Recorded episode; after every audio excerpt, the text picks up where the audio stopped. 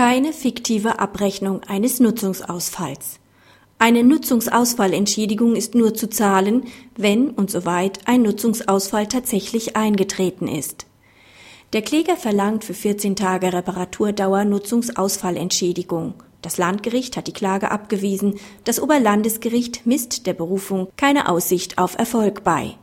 Es weist in seinem Beschluss darauf hin, dass der Kläger nicht ausreichend unter Beweis gestellt hat, dass die Durchführung der Reparatur tatsächlich 14 Tage betragen hat. Anders als bei Sachschäden kann Ersatz für den Ausfall der Nutzung nur verlangt werden, wenn und soweit dieser auch tatsächlich entstanden ist.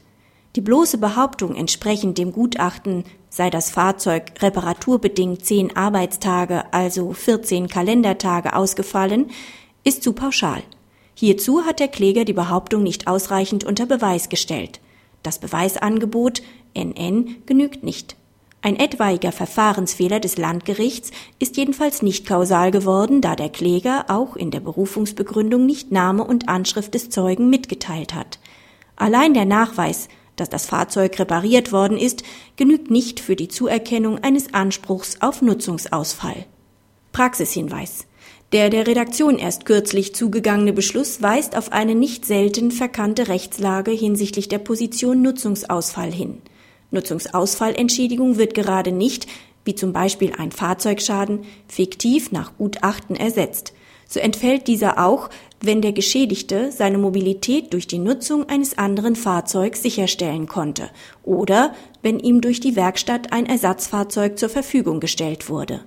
Der Beschluss hat auch die prozessuale Besonderheit, dass der Kläger einen Beweis mit Zeugnis NN angeboten hat. Ein solcher Beweisantritt ist zwar nicht ausreichend, das Gericht muss aber nach 356 ZPO eine Frist zur Beibringung der ladungsfähigen Anschrift des Zeugen setzen. Diesen Verfahrensfehler des Landgerichts hat das Oberlandesgericht als nicht kausal angesehen, weil der Kläger auch in der Berufungsbegründung die Daten des Zeugen nicht mitgeteilt hat. Der Kläger hätte, wie bei jedem gerügten Verfahrensfehler, in der Berufungsbegründung vortragen müssen, was er gemacht hätte, wenn sich das Gericht ordnungsgemäß verhalten hätte